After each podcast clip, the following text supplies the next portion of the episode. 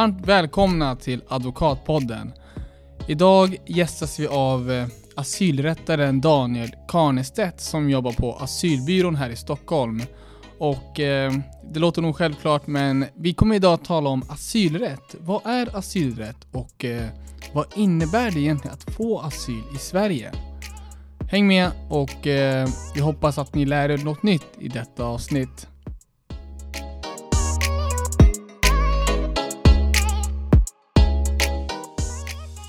Varmt välkommen till Advokatpodden Daniel. Tack så mycket. Det är lite extra intressant att du är här idag och eh, det är för att eh, vi har aldrig berört ett annat ämne än straffrätt och processrätt inom straffrätt. För vi ska ju tala om asylrätt idag. Jajamän. Skulle du kunna berätta vart du har studerat och vart du jobbar och vad du jobbar med idag? Mm, absolut. Eh, jag studerade i Uppsala, blev klar 2014 och eh, efter det så gjorde jag notarietjänst på dels Migrationsverket och dels eh, Migrationsdomstolen i Stockholm, eller förvaltningsrätten då, men det är de som är migrationsdomstol. Mm. Um, och sen efter det så började jag på asylbyrån i Stockholm som är en advokatbyrå som är specialiserad på, ja, ni hör ju själva asyl, ja, ja. men vi jobbar även med andra typer av migrationsärenden. Så, men det är, det asylrätten som ligger mig närmast om hjärtat. Okay. Men vad, vad är skillnaden mellan migrationsrätt och asylrätt?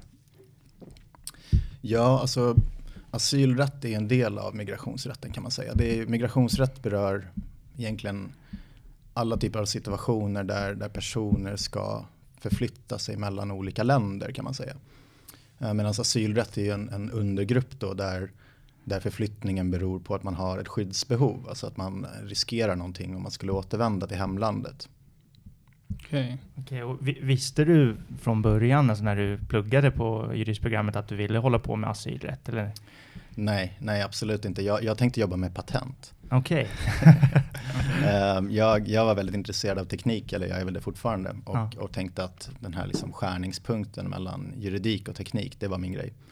Ehm, men, eh, men sen så engagerade jag mig frivilligt också inom flyktingrörelsen under studierna och eh, tyckte att det här, det här var ju väldigt eh, givande.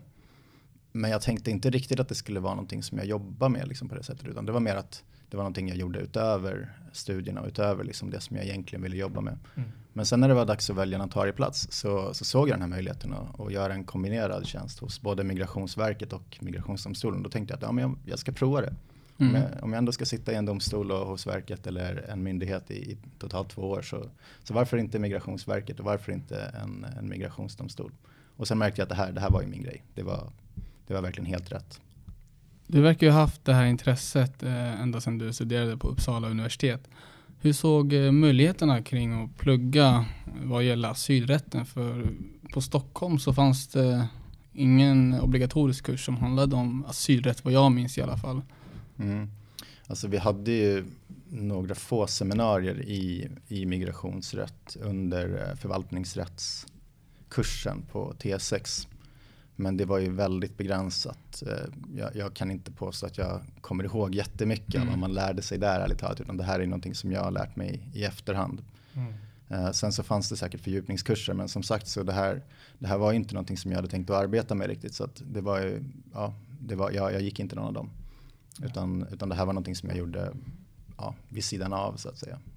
Så inlärningsprocessen kom mer när du satt ting då Eh, eller gjorde tingtjänstgöring då hos Migrationsverket?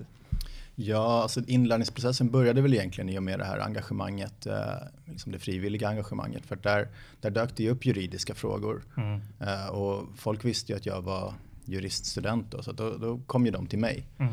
Eh, och sen så kollade jag på dem och, började fundera, men Dublinförordningen, vad är det för någonting? Mm. jag hade hört talas om. Um, så jag insåg ju ganska snabbt att jag, att jag inte kunde någonting om det och, och, fick lära mig lite grann vid sidan av. Så, så att jag kunde väl en del om det skulle jag ändå säga innan jag, eh, innan jag började den här notarietjänstgöringen. Så jag var inte helt grön. Men, men sen så blev det ju verkligen en crash course för ja, man, man förväntas ju arbeta med det från dag ett när man, när man gör en sån tjänst. Asylrätten, hur länge har den funnits? Eller när grundades det? Eller hur, hur påbörjades hela den processen kring asylrätt? Mm. Ja, alltså det, det, det hela grundar sig väl den moderna asylrätten kan man säga grundar sig i, i eh, erfarenheter från andra världskriget. Mm. Eh, det var efter den som, som FNs flyktingkonvention kom till. Eh, som, som ju fortfarande är grunden till asylrätten. Innan dess, och nu, nu ska jag kanske inte säga för mycket för jag, jag kan inte hela historiken, men, men, men det har ju funnits olika typer av möjligheter att söka skydd i andra länder och att söka skydd liksom i, i andra städer och så vidare även, även tidigare. Mm. Så det finns ju liksom en, en, historisk koppling på det sättet. Men asylrätten som vi, som vi känner, känner den idag, eh, den, den eh, tog sin början under 50-talet. Men eh, rent juridiskt och praktiskt, vad, vad innebär det att man får asyl? Det, det, är, en, det är en bra fråga. Eh, många tänker ju på, på asyl som att, att man får stanna någonstans. Mm. Eh, alltså att du, du beviljas asyl, du får ett uppehållstillstånd, du får stanna i landet. Men jag, jag skulle ändå vilja säga att, att asylrätten blir mer logisk om man ser den tvärtom. Att, att eh, det, det handlar om ett förbud för staten att göra någonting mot dig. Så att när du har ett skyddsbehov, då får inte staten utvisa dig. Så att om du befinner dig i Sverige och sen så eh, bedömer svenska staten då att om du skulle utvisas så, så riskerar du till exempel tortyr då, då är Sverige förhindrat från att utvisa den här personen. Så att det, är, det är som en negativ rättighet kan man säga. Eh, sen så finns det ju en massa positiva rättigheter knutna till eh, att man beviljas asyl också. Alltså att allt ifrån att man har rätt till ett uppehållstillstånd till att man ska gå i skolan på samma villkor som medborgare i det landet eh, och så vidare. Så att det finns ju väldigt många positiva eh, rättigheter knutna till det också. Men, men grunden i det hela, det är att man inte får utvisas. Men när man läser i alla fall på ny, eller ser, tittar på nyheterna och läser på tidningarna så, då, då, då framstår det ofta som att människor utvisas från landet fast att det finns risk att de kan eh, torteras då i hemlandet. Hur kommer det sig då att man kan skicka hem människor då eh, till sina hemländer? Mm. Så där, där kanske man ska säga också till, till oftast då Migrationsverket som, som är de som beslutar till deras försvar. Att medierapporteringen kring sådana ärenden kan ju ofta bli lite ensidig i och med att Migrationsverket sällan får, får uttala sig om ärenden där, där det finns en sekretess. Så att eh, ganska ofta så finns det ju omständigheter i de ärendena som, som kanske inte framkommer i, i medierapporteringen. Ska man väl säga. Men sen så förekommer det ju också att, att Migrationsverket helt enkelt fattar fel beslut. Mm. Ehm, att de eh, ja, har gjort en, en, bedömning som, som helt enkelt inte överensstämmer med verkligheten.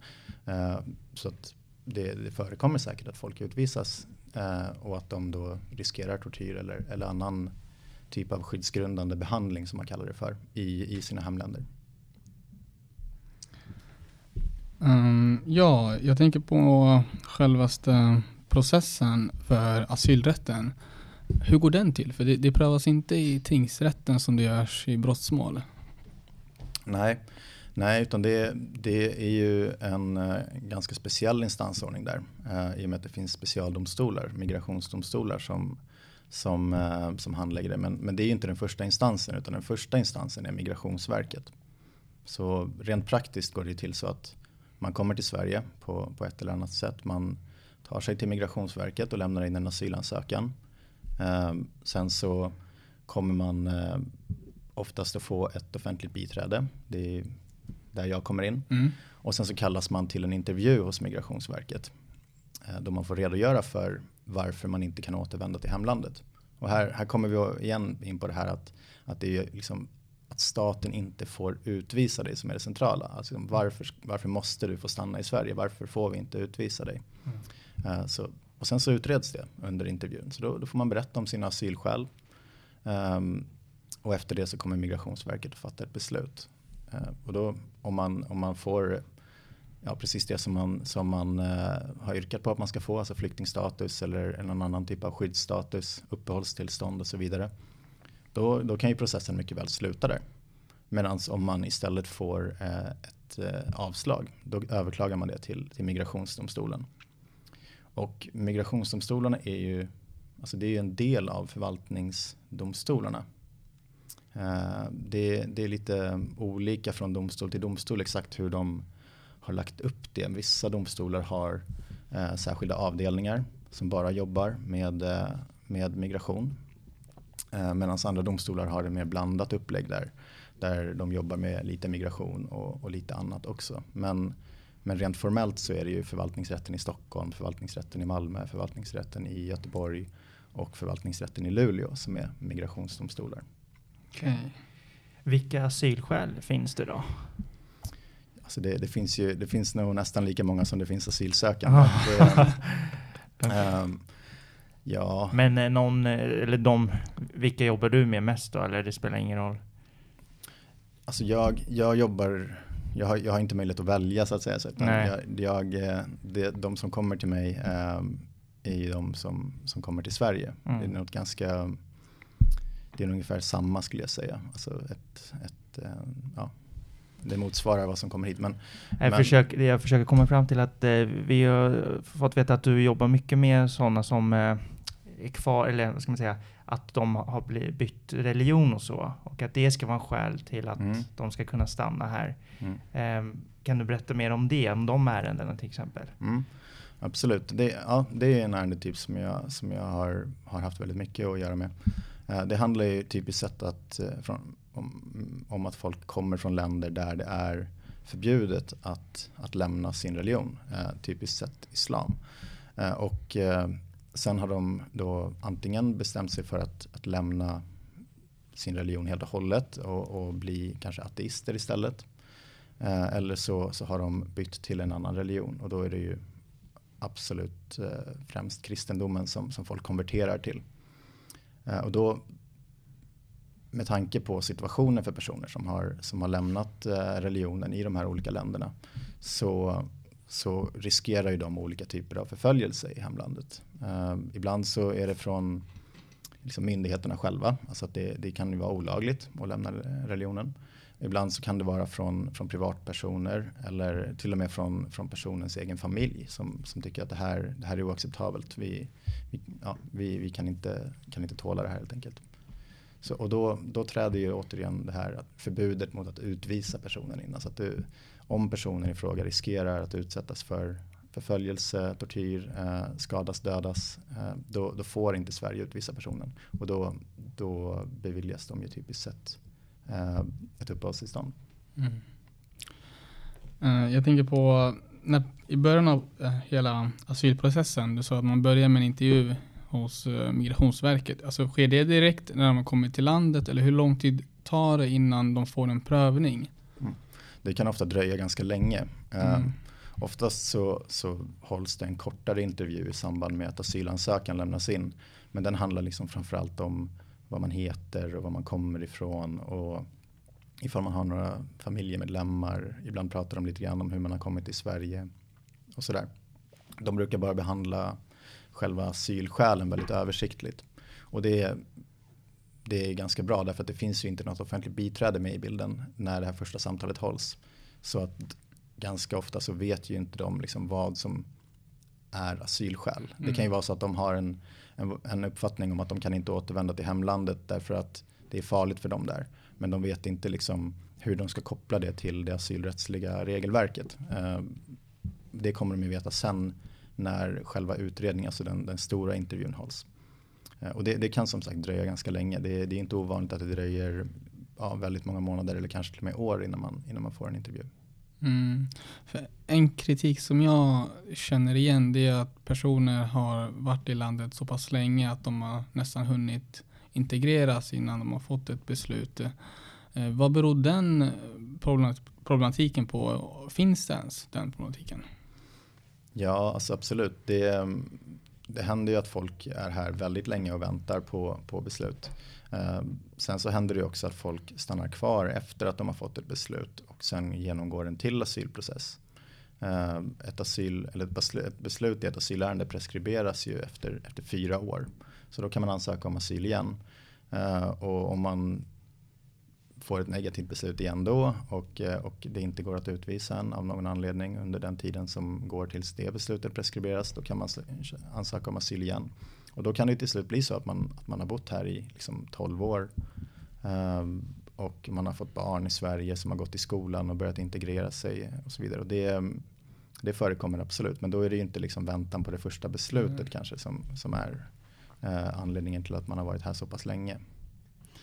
Men du sa nu att i första stadiet så har inte de någon offentlig biträde utan då, då är de där ensamma och de kan ju inte koppla till det juridiska då eh, när de eh, får de här frågorna från Migrationsverket. Men eh, varför är det på det sättet? Jag tänker att om de säger någonting och sen kommer du in vid nästa stadie och sen säger du till klienten, nej men det här borde du ha sagt, det här är ju viktigt. Då finns det inte risk då att deras trovärdighet eh, ifrågasätts då?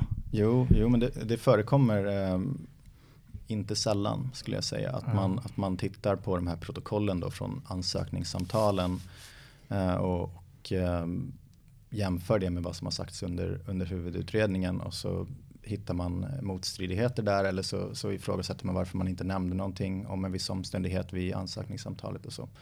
Um, oftast så läggs det kanske inte jättestor vikt vid det här. Um, just därför att eh, Migrationsverket vet ju att, att den här, det som sägs under ansökningssamtalen får väl kanske ses som någon slags preliminära uttalanden eh, i väntan på en, en verklig utredning. Men, men det förekommer absolut att det, att det hålls emot klienten, det som sagts under, under ansökningssamtalet. Mm. Och eh, hur funkar det här då? då? Vi snackade lite innan eh, när du kom hit att du har bott i Spanien och du kan snacka lite spanska. Ja. Eh, men personerna som du ja, som klienter kan förmodligen inte så jättebra svenska i och med att de, har, de söker asyl här i Sverige. Hur fungerar det med den barriären att man är tvungen att ha en tolk mellan sig hela tiden? Mm. Alltså det, det, funkar oftast ganska bra skulle jag säga. Vi, vi på byrån har ju ett antal tolkar som vi vet är väldigt duktiga. Så när vi bokar en tolk så önskar vi nästan alltid en, en specifik person eller, eller en, en lista på personer som vi ser att vi vill ha någon av, någon av de här. Eh, och då, då funkar det bra tycker jag. Det är, däremot när man väl kommer på utredningen hos Migrationsverket då har inte vi någon, någon möjlighet att påverka vem det är som tolkar. Och då, då kan det ju vara antingen någon som är super, super duktig eller så kan det vara någon som, som är mindre duktig. Och då, då ställer det ofta till med problem. Det kan bli missförstånd eller feltolkningar. Um, ibland så kan det bli helt uppenbara feltolkningar som man kan säga till att nej men, nu, det, här, det här stämmer ju inte. Ehm, men ibland så kan det ju vara små saker. Ehm, jag minns ett exempel till exempel med ehm, där, där ordet för jag tror att det var motorcykel och bil var, var olika på dari och på farsi. Eh, och så hade vi en, en tolk från Iran som översatte och en klient från Afghanistan som pratade dari. Och tolken pratade då enligt egen uppgift dari. Men översatte till att det kom en bil. Men det egentligen kom en motorcykel. Och det, det är sånt som är väldigt svårt för, för mig såklart att uppfatta under mm. själva utredningen. Mm. Och det är sånt som kan spela väldigt stor roll senare. Därför att om, om klienten då senare i, i domstolen säger att det kom en, en motorcykel så, så kommer de att tycka att det är märkligt. Men sen ska det också sägas att vi får gå igenom de här protokollen efter att, eh, efter att utredningen har varit. Så då sitter vi på, på vårt kontor med en tolk och läser upp allting. Och så får klienten säga till om det är någonting som inte stämmer. Mm. Så det, det, funkar ganska bra faktiskt. Och det är ganska skönt ärligt talat. För man, man får ju liksom en paus i, i, ja. i pratandet. Så att tolken, tolken översätter, då kan jag sitta där och fundera på okej, okay, men vad, vad ska jag säga nu? Ja. Men eh, alltså, hur höga är beviskraven för att kunna styrka asylskäl? De ska vara ganska låga. Alltså ja. det, det, beviskravet är sannolikt mm. um, för när det gäller, när det gäller flyktingskap. Uh, och uh, det är ju ett betydligt lägre beviskrav än, än många andra som förekommer i andra rättsområden. Mm. Men samtidigt så är det ofta väldigt svårt att styrka att man verkligen har ett skyddsbehov. Så att jag tror inte att man ska man ska inte liksom stirra sig blind på att, att det står just sannolikt och utgå från att sannolikt i asylärenden är samma sak som sannolikt i andra ärenden. Mm. Uh, utan ja, det, det, är fortfarande ganska svårt. Men sen så, sen så kan man ju faktiskt göra till exempel sina asylskäl sannolika genom bara en muntlig berättelse eh, utan skriftlig bevisning helt och hållet. Um, så att det är ju inte det är långt ifrån omöjligt såklart. Men, men det är inte så lätt som, som det antyds när man vet att det är sannolikt som är beviskravet. Jag tänker på bevisinhämtningen. Hur går den till? Är det klienten som hämtar så mycket bevis som den kan? Eller, hur kommer, kommer du in där eller hjälper Migrationsverket till och med? Eller hur, hur går det till? Ja, alltså ofta så kommer ju klienten med en stor hög med papper mm. uh, och, och, säger liksom att det här är mitt ärende. Uh, och, uh, ja, och, så, och så får man börja bläddra där och så är det liksom massor med papper som, som kanske inte spelar någon roll överhuvudtaget. Uh, och sen så någonstans där i den där stora högen så finns de där viktiga papperna som man vet att ah, men det, här är, det här är viktigt. Uh, så det, den delen står ju klienten för själv såklart. Och det, är ju, det måste ju oftast vara så eftersom att bevisningen är ju ofta liksom handlingar och så vidare från, från hemlandet. Uh, och det är väldigt svårt för mig såklart att, att hämta in sånt. Um, däremot så kan jag sköta bevisinhämtning i form av eh, liksom att söka, söka igenom öppna källor. Uh, jag kan titta på liksom Twitterkonton eller jag kan uh, läsa vad folk har, har skrivit på sin blogg eller, eller um, vad folk har, vad som har skrivits om folk i, i media. Jag kan söka upp medieartiklar. Uh, sen så finns det ju också en väldigt uh, speciell typ av bevisning i asylärenden. Uh, jag vet inte om ni hade tänkt att gå in på det senare men det som kallas för landinformation. Mm. Ja, men, vi, kan vi, kan ta, vi kan ta upp det, absolut. Ja. Um, alltså det är, ju, det är ju rapporter i princip från olika länder som, som beskriver situationen i olika avseenden. Så att um, en typisk landinformationsrapport skulle till exempel kunna handla om säkerhetsläget i Afghanistan. Eller, eller situationen för um, apostater i Bangladesh. Eller något annat ganska smalt ämne. Ehm, och den här landinformationen den är det egentligen Migrationsverket som ska inhämta. Alltså de ska, de ska söka igenom sina olika databaser och sen så ska de hitta en rapport som de tycker passar in på den här situationen som, som klienten berättar om. Och sen så säger de att ja men i den här rapporten så står det att det är så här och så här och så här. Um, var god och bemöt de här uppgifterna kan de säga under utredningen. Uh, och där har jag en viktig roll därför att Migrationsverket är visserligen ganska duktiga på att hitta landinformation men, men uh, jag försöker ändå vara lite duktigare. Uh, så, så där så söker jag såklart efter egna rapporter för det kan ju, det kan ju stå olika saker i olika källor. och ja, den inhämtningen är en ganska stor del av mitt arbete skulle jag säga. Så det, det blir liksom, som en expert på olika länder, hur deras situationer ser ut och vad de har för kultur och språk och allt möjligt. Liksom. Ja, alltså expert är väl kanske att ta i liksom, men, men eh, man, får, man får åtminstone en väldigt bred kunskap om olika ja. länder. Uh, man vet lite grann om väldigt många länder. Ja. Men du sa att ni söker i olika databaser. Är det olika slags källor då? Eller hur, hur går det till? Vad är det för databaser ni söker på? Eh, alltså Migrationsverket har en egen databas eh, som, som sköts av en enhet på Migrationsverket där de lägger in en massa olika rapporter i takt med att de publiceras. Eh, sen så finns det ett, eh, ett antal olika online-databaser utöver den. Ehm, jag tror att UNHCR har en egen, jag vet inte om EASO kanske har en. Alltså det, det, finns, det finns ett antal olika databaser. Det är oftast ganska likartade källor som, som publiceras i de här databaserna. Som det är sällan man använder liksom mer än max två olika mm. databaser själv skulle jag säga. Um, om det inte är något väldigt smalt ämne. Men um, ja, det är öppna källor så det är ingenting som man liksom behöver skapa ett konto Nej. på. Eller sånt där, utan det är bara att gå in och söka. Okej, vad, vad hände, eller har det hänt att UNHCR har en annan landinformation än vad Eh, Eh, Migrationsverket har och hur förhåller man sig till en sån situation om det skulle uppstå? Ja, alltså det, Migrationsverket gör egna bedömningar av eh, den landinformationen som finns tillgänglig. Så låt oss säga att det finns landinformation som säger att säkerhetsläget i en viss del av ett land är jättedåligt. Eh, jättefarligt att åka dit. Ingen kan åka dit i princip. Eh, och sen så finns det en annan källa som säger att nah, men det kanske inte är så farligt ändå.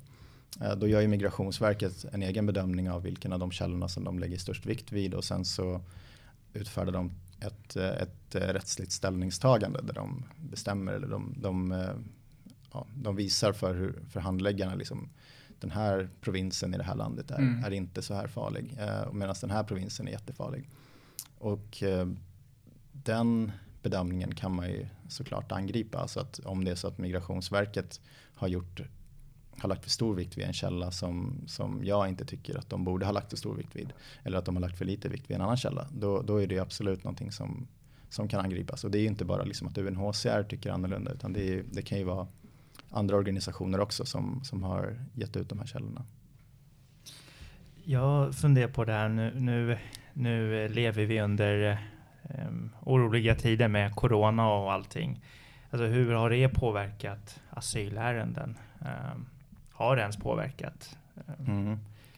Ja, jag skulle tro att, um, att man kommer märka det senare. Eller åtminstone att jag kommer märka det senare. Därför att det är ju, ja, men som vi pratade om tidigare, så är det ju liksom en, en liten väntetid innan, innan ett offentligt biträde kopplas in och så. Mm. Men jag tänker mig att det är betydligt färre personer som kommer till Sverige nu med tanke på hur svårt det är att, att resa mellan olika länder. Mm. Sen så är ju inte just nya ansökningar från personer som är helt som precis har kommit till Sverige, det är ju inte det enda vi gör utan det kan ju röra sig om personer som, som har varit här och vars beslut har preskriberats. Då kan man också, ja, som vi pratade om förut, man kan söka asyl igen om man får ett offentligt biträde. Sen kan det också handla om, om eh, ärenden där det har hänt någonting nytt efter det att man fick sitt senaste beslut. Eh, så att efter att det har vunnit laga kraft så, så har det uppkommit någon ny omständighet som gör att, det, att, nu är det farligare att åka till hemlandet än vad det var när man, när man sena, senast prövade eh, skyddsskälen. Och då kan man få ärendet öppnat på nytt och få en ny prövning av, av asylskälen. Och då får man också ett offentligt biträde. Så att um, ja, alltså jag, jag har inte märkt av det ännu ska jag säga. Men jag tror att vi kommer märka det. Uh, den största skillnaden för mig just nu kanske är att, att det är väldigt mycket mindre utredningar. Uh, I och med att ja, Migrationsverket vill inte samla tre personer på, på, mm. på samma plats uh, och, och hålla en utredning. Utan de, de har någon lösning med videoutredningar istället och då tar det upp mycket fler rum för att alla sitter i olika rum och så, så är det färre utredningar som kan hållas samtidigt. Så det har jag märkt. Mm. Eh, en annan, eh, vi skickade över en tidningsartikel till dig från Expressen om jag minns rätt.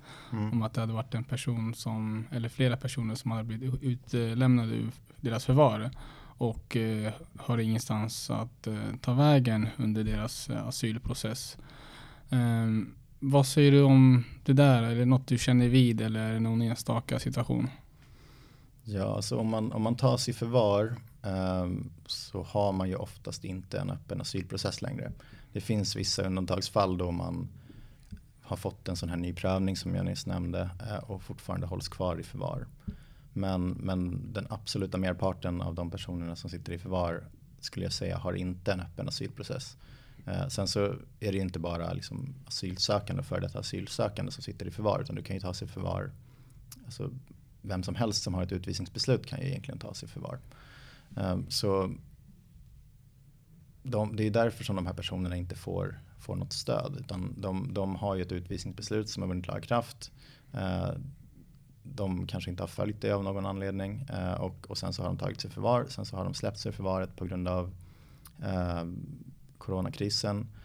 Och då, då är de tillbaka på ruta noll. Att de står där med ett, med ett utvisningsbeslut som egentligen ska verkställas men som det inte går att verkställa just nu. Så att, mm.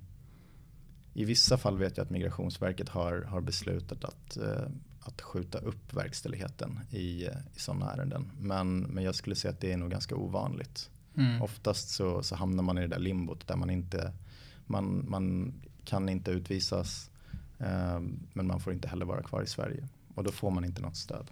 Men generellt, är det lång tid från och med att man får utvisningsbeslutet till att det verkställs? Det, hur lång tid tar det? Det är väldigt olika. Mm. huvudregeln är att man ska lämna Sverige frivilligt efter att man har fått ett utvisningsbeslut. Så att det är inte så att, att, man, att det, tanken är inte att man ska sitta och vänta på att gränspolisen kommer och knackar på dörren och, och sen liksom bli, bli körd till Arlanda. Utan poäng, eller tanken är att, att, när du har fått ett beslut om att du inte får stanna i Sverige då, då ska du köpa en flygbiljett och åka härifrån ungefär. Uh, och i de fallen så, så går, kan det ju såklart gå väldigt snabbt. Uh, medans i fall som kräver tvång, alltså fall där, där personen inte är villig att lämna landet frivilligt, då, då kan det ju dröja länge. För att då, ja, det, det är svårt att verkställa en person som till exempel har avvikit. Eh, så då, då kan man ju bli kvar i Sverige väldigt länge. Jag tänker att du träffar ju på olika livsöden och det är människor som, eh, som är utsatta helt enkelt. Eh, hur känns det när, när man får det här beskedet om att ens klient inte får stanna kvar, att det, att det blir avslag? Liksom hur, hur handskas man med det som, som en jurist? Det, det är ju väldigt tufft skulle jag säga. Mm. Um, kanske mindre tufft nu än, äh, än vad det var i början. Mm. Men, äh, men, men absolut, det är ju det är en, en, en, eh, svår situation att hantera även för mig personligen. Men det är naturligtvis ännu svårare för klienten. Mm. Uh, jag, jag får väl tänka för mig själv att, att jag har gjort det som går att göra. Att, uh, om, om jag känner att jag har gjort ett bra jobb och, och det har ändå inte gått. Då, då känner jag nog att jag, jag kan inte lägga det på mig, liksom, att, att det här inte gick vägen. Sen så kan jag samtidigt såklart vara oerhört ledsen för klientens skull. Uh, särskilt om det, om det rör sig om, om ett fall där, där, där det verkligen kan gå riktigt illa om personen blir utvisad. Det, ja, då blir man ju orolig såklart. Men och, tvärtom, hur känns det när en klient får stanna i landet efter en jobbig process? Ja, det, det är ju andra sidan av myntet och det är, det är därför man jobbar med det här, uh, skulle jag säga. Uh, en otrolig lättnad såklart. Uh, mest av allt för klienten men, men även för mig. Uh, just för att det är så jobbigt att, att uh, när, det, när det går en emot. det, ja, nej, men det, det, är verkligen, det, det är verkligen därför som man jobbar med det här. Man, man måste nog känna att det här är så pass viktiga ärenden. Att det här är, det är liksom, det handlar på, om liv och död på riktigt. Mm. Och jag tror att man, man måste ha viljan att liksom gå in i den typen av tuffa ärenden för att orka med sådana såna beslut. Både framförallt såklart de, de negativa men, men, men även de positiva. Mm. Men eh, hur kommer det sig att ni på asylbyrån har valt att enbart jobba med migrationsrätt så att säga? För att man tänker att humanjuridik har ju andra områden också. Mm. Eh, som brottmål och familjerätt och ja. Ja, men vi, vi är ju enorma nördar allihopa. Ja, vi gillar att nörda ner oss. Nej, men det, jag, jag tror att det har att göra med, med liksom ärendenas karaktär. Mm. Just att, eh, att eh, det finns en nerv i det. Liksom, att om, om man gör fel, om man inte gör sitt allra yttersta, då, då finns det en risk att någon blir utvisad och torterad till döds. Mm. Och uh, ja, det, det är nog vissa typer av jurister som, som dras till den den nerven tror jag. Vi hade ju talat eh, lite tidigare om innan det här mötet då om att du jobbar mycket med, eh, du får rätta mig självklart om jag säger fel nu, men personer som kommer från Ryssland som är förföljda eh, av ryska myndigheter. Eh, hur kommer det sig och hur ser sådana ärenden ut rent generellt då? Ja, ja men Ryssland är ju ett ärende, det är ett land som jag, som jag har haft ganska mycket att göra med. Och det, det är intressant på så sätt att väldigt många asylsökande därifrån eh, är de, de, de förföljs just på grund av, av sin politiska uppfattning. Eh, många andra ärenden skulle jag säga rör kanske snarare säkerhetsläget eller, eller religion eller ja, andra, andra omständigheter än just, just den politiska uppfattningen. Men, men i, i Ryssland så skulle jag säga att det, det är väldigt mycket eh, oppositionella som, som söker asyl i Sverige. Och eh, det som är intressant med Ryssland som land är ju att de, de är ju som en, liksom en, en hybrid demokrati kanske man kan säga. Nej, de, de, är inte en demokrati, de är inte en fungerande rättsstat. Men de, de, om man tittar inte så noga så ser de ut att vara det. Mm. Alltså de har domstolar och de har lagar som säger att vissa saker är förbjudna. Uh, man får inte tortera folk i fängelserna och så vidare. Sen så gör de alla de här sakerna ändå. De använder domstolarna för att förfölja folk. Eh, de, de dömer folk på politiska grunder. De eh, fabricerar åtal mot oliktänkande och så vidare. Och det här är intressant därför att typiskt sett så har ju en stat en, en suverän rätt att utreda och beivra brott. Så att ifall Ryssland bestämmer sig för att nej men, nu ska vi nog öppna en, en eh, brottsutredning mot den här personen därför att vi tror att den personen har begått ett brott. Eh, då, då faller det oftast inom vad Ryssland faktiskt får göra och då är inte det ett asylskäl. Lika lite som jag skulle kunna åka och söka asyl någon annanstans om jag hade begått ett allvarligt brott i Sverige.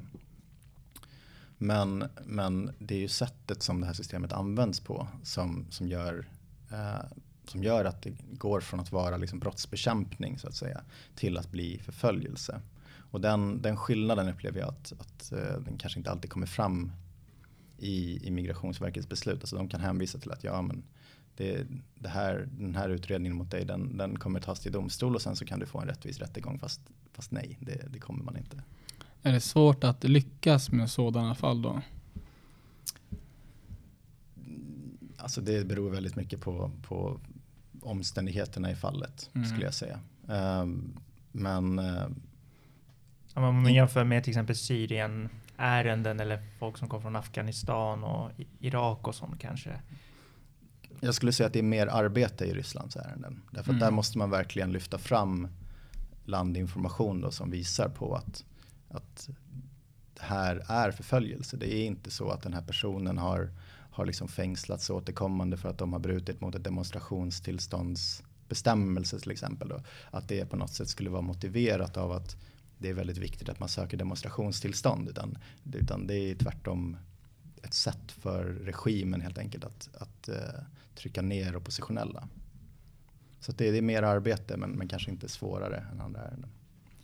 Har du eller någon av dina kollegor fått någon indirekt hot från andra statsmakter? Om ni till exempel skulle hjälpa någon som är någon höguppsatt person? Som... Um, jag kan inte uttala mig om mina andra kollegor men, men jag har inte fått några sådana hot. Nej, okej. Okay. Och eh, till den frågan kommer jag på också förföljelserna av vissa klienter. Stoppar de vid eh, Sveriges gränser eller finns det förföljelse inom landet också här för mm. klienterna?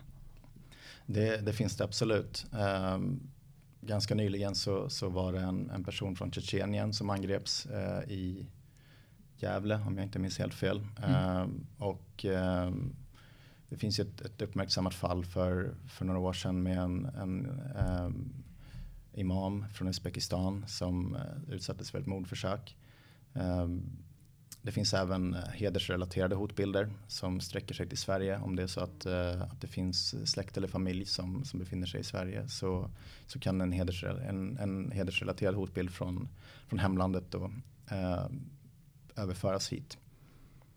Stärker det på något sätt då eran alltså bevisgrund då? Ifall något skulle hända här även i Sverige, att de är fortfarande förföljda? Det, det är svårt att svara på för ja. att det, det, är beroende på, från fall till fall. Men, men typiskt sett om man kan visa på att, eh, att den här händelsen i Sverige har en koppling till eh, vad man har berättat om att man riskerar i hemlandet. Då är det absolut någonting som är relevant. Ja, nej men eh, vi får tacka dig så mycket för att du kom hit. Eh, jag känner mig i alla fall klokare inom mm. migrationsrätt och asylrätten speciellt. Ja, roligt. tack, tack så mycket. Tack, tack.